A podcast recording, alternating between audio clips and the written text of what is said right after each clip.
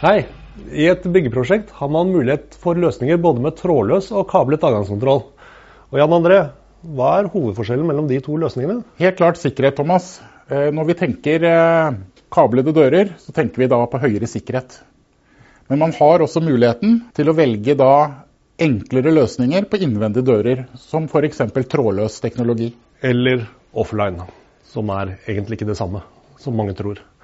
Men dette kan man jo velge litt i prosjektet. Eh, typisk bruk av trådløst eller offline er jo gjerne da cellekontorer, bøttekott, rekvisitarom og lignende, der man ikke har nødvendigvis det sikkerhetskravet man har på dørene i skallet til bygget. Det som er viktig å merke seg, er at en trådløs kortleser er å regne som et bekvemmelighetsprodukt og ikke et sikkerhetsprodukt. Selv om sikkerheten er til stede da kommunikasjonen er digitalt kryptert. Ja, og uvedkommende har jo ikke noe nytte av den kommunikasjonen da. Men eh, likevel så er jo et kabelsystem hakket sikrere, da man også benytter faste kommunikasjonslinjer.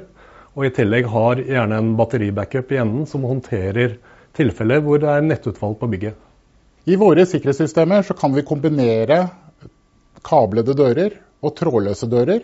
Både trådløst online, trådløst offline. Vi kan jo på mange måter eh, kalle det Thomas, tilpasse sikkerhet til riktig dør. Ja, Du får et optimalt sikkerhetssystem tilpasset økonomien i prosjektet.